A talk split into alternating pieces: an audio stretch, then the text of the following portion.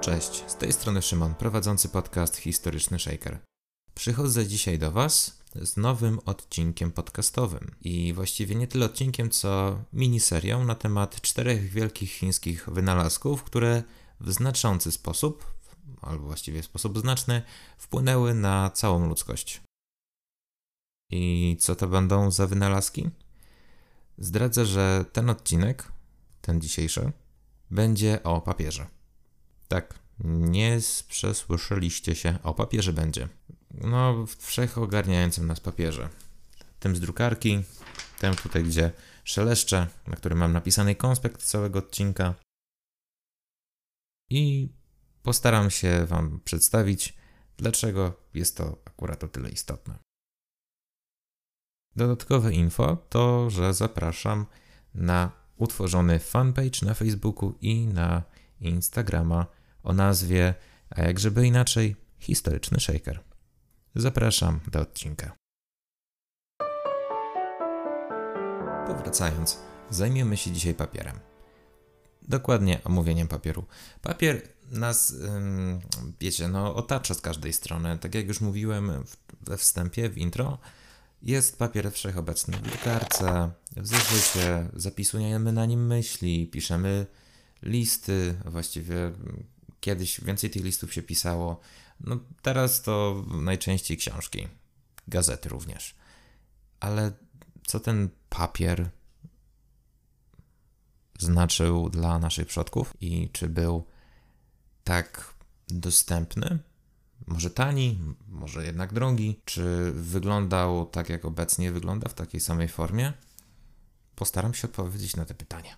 Więc, aby w ogóle zacząć omawiać historię papieru, należy cofnąć się o kilka, właściwie nie kilka, bo 2000 lat do tyłu co najmniej. I jak wspomniałem, i nie będzie zaskoczeniem, będą to tereny starożytnych Chin. Mniej więcej, jakbyście zobaczyli na mapę, pokrywające się z mapą współczesnych Chin. Według chińskich kronik, na dworze cesarza Hedi z dynastii Han, jego kancelista eunuch Kailun około 105 roku naszej ery stworzył papier czerpany, pozyskiwany z użyciem szmat jedwabnych i lnianych. I w zamian za to miał uzyskać stanowisko odpowiadające dzisiejszemu ministrowi rolnictwa. Tylko jest tutaj pewna niezgodność, ponieważ liczne badania archeologiczne wskazują, że mm, około papier zaczęto stosować w ósmym roku przed naszą erą i są to badania z okolic nefrytowej bramy. Znaleziono tam fragment papieru zapisany dwudziestoma chińskimi znakami i nie jest to odosobniony przypadek, tylko właśnie kilka różnych takich skrawków znaleziono. Co sugeruje, że ten cały eunuch kancelista Kailun na dworze cesarza Hedi z dynastii Han po prostu udoskonalił formę uzyskiwania papieru. Dzięki temu papier stał się tańszy i bardziej, może nie tyle bardziej, co powszechnie dostępny dla warstwy średniej. Zamykamy teraz taki bezpośrednio temat Chin. Pozostaniemy przy, jednak przy Chinach, ale pośrednio, pośrednio. Bo należy sobie zadać pytanie, w jakim sposobem ten papier znalazł się w Europie i czy było coś pomiędzy Azją a Europą w tym szlaku, jaki pokonał na nasz kontynent. I to było bardziej stwierdzenie, pytanie retoryczne, bo oczywiście miało miejsce takie zdarzenie, a dokładnie bitwa nad rzeką Tałas w 751 roku naszej ery. I kto tam walczył? No, może to niektórych zaskoczyć i wydać się lekko egzotyczna, ale walczyli Arabowie z Chinami. I w czasie tej bitwy pojmali, oczywiście Arabowie, pojmali chińskich papierników. Chińscy papiernicy przyczynili się do spopularyzowania tego właśnie papieru. Wtedy nieznanego dla Arabów wynalazku. I dlaczego wymieniam Arabów? Arabowie nie zajmowali, powiedzmy, no, zasięg terytorialny po prostu był znacznie większy jak obecnie. Jak macie Arabię Saudyjską, to cały ten półwysep arabski oczywiście zajmowało Imperium Arabskie, ale nie tylko. W VIII wieku naszej ery Arabowie zajmowali prawie cały basen Morza Śródziemnego. A uściślając, może, może troszeczkę nadużyłem tego, że cały, ale na pewno była to Afryka Północna, południe, środek Półwyspu Iberyjskiego, Sycylia, Azja Mniejsza i zagrażali Bizancjum. Mm, I z tego właśnie powodu zainteresowali się papierem. Mieli, co najistotniejsze dla nas, kontakty z Europejczykami. I to właśnie z Europejczykami handlowali. Sprzedawali im papier, tylko z jedną zasadniczą różnicą. Ten papier różnił się od tego, który w Chinach się produkowało. A czym się różnił? Mianowicie składnikiem. Zamiast papieru czerpanego wykorzystywali skrobię idealnie nadającą się do klimatu suchego, stworzoną wręcz po to.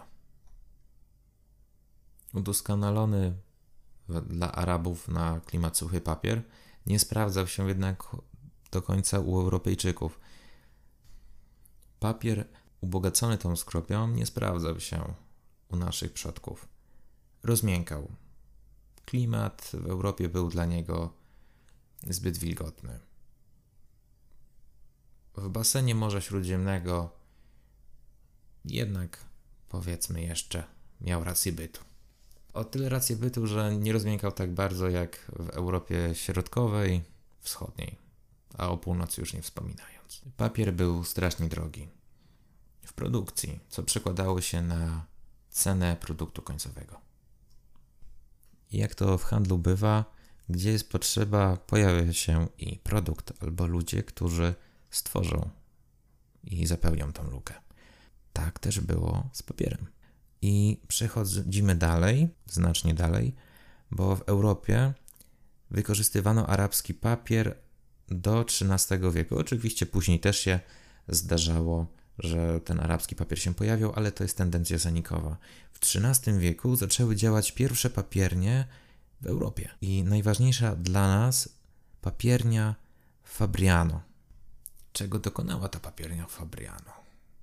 No, no co, czego mogła dokonać przełomowego? Dokonała trzech ważnych, istotnych zmian.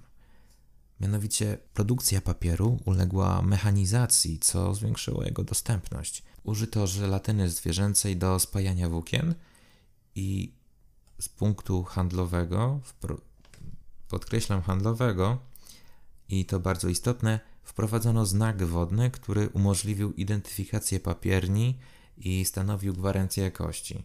Problem polegał wcześniej na tym, że sporo produktów, jakim był papier, było podrabianych, a dzięki takiemu znakowi wodnemu było wiadomo, z jakiej właśnie papierni pochodzi. Można to porównać do dzisiejszych znanych marek, jak logotypów typu Adidas, Puma, Witchen, jeśli dobrze to wymawiam, Witchen, HBO Go, Netflix, które są markami rozpoznawalnymi. Tak samo właśnie było w XIII wieku. Widziało się znak wodny i można było prosto zidentyfikować, że właśnie o daną papiernię chodzi.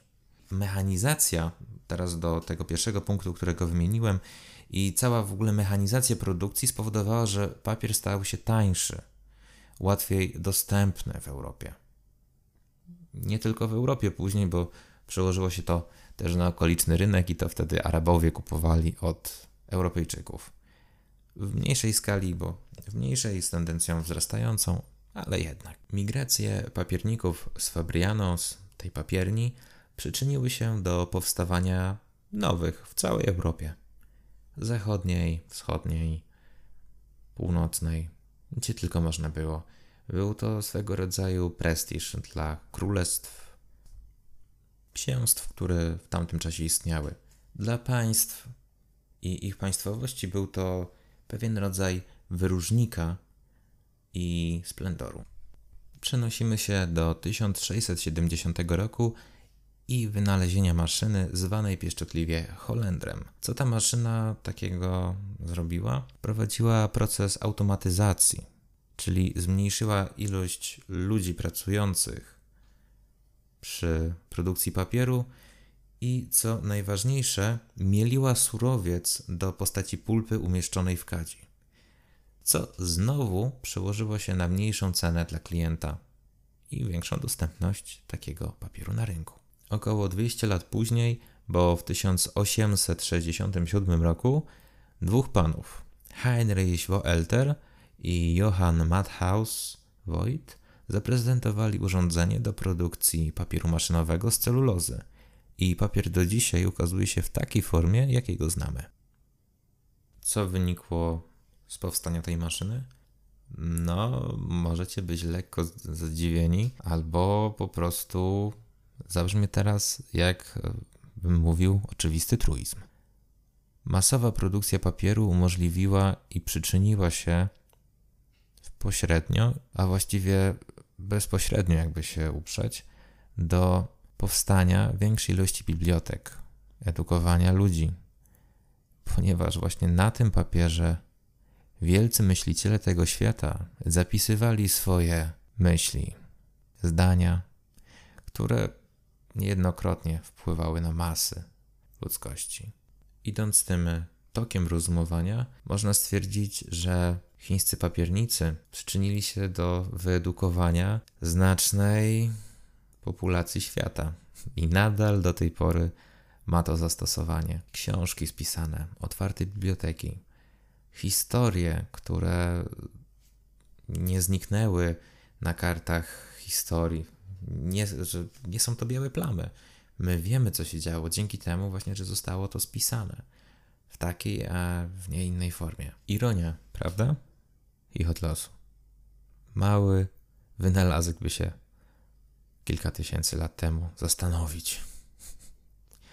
A jednak nadal zbiera swoje plony. Edukuje kolejne pokolenia. Wczytujemy się, dotykamy, wczytujemy się w to, co tam jest zapisane. Niesamowite. Jak nad tym naprawdę posiedzieć i się zastanowić. Zostawiam Was z tym podsumowaniem i zapraszam oczywiście już wkrótce na kolejne odcinki z serii chińskich wynalazków. Czekają nas jeszcze trzy. Zapraszam do ich wysłuchania oraz wysłuchania pierwszego odcinka. Dzięki, że słuchacie i jesteście. Cześć.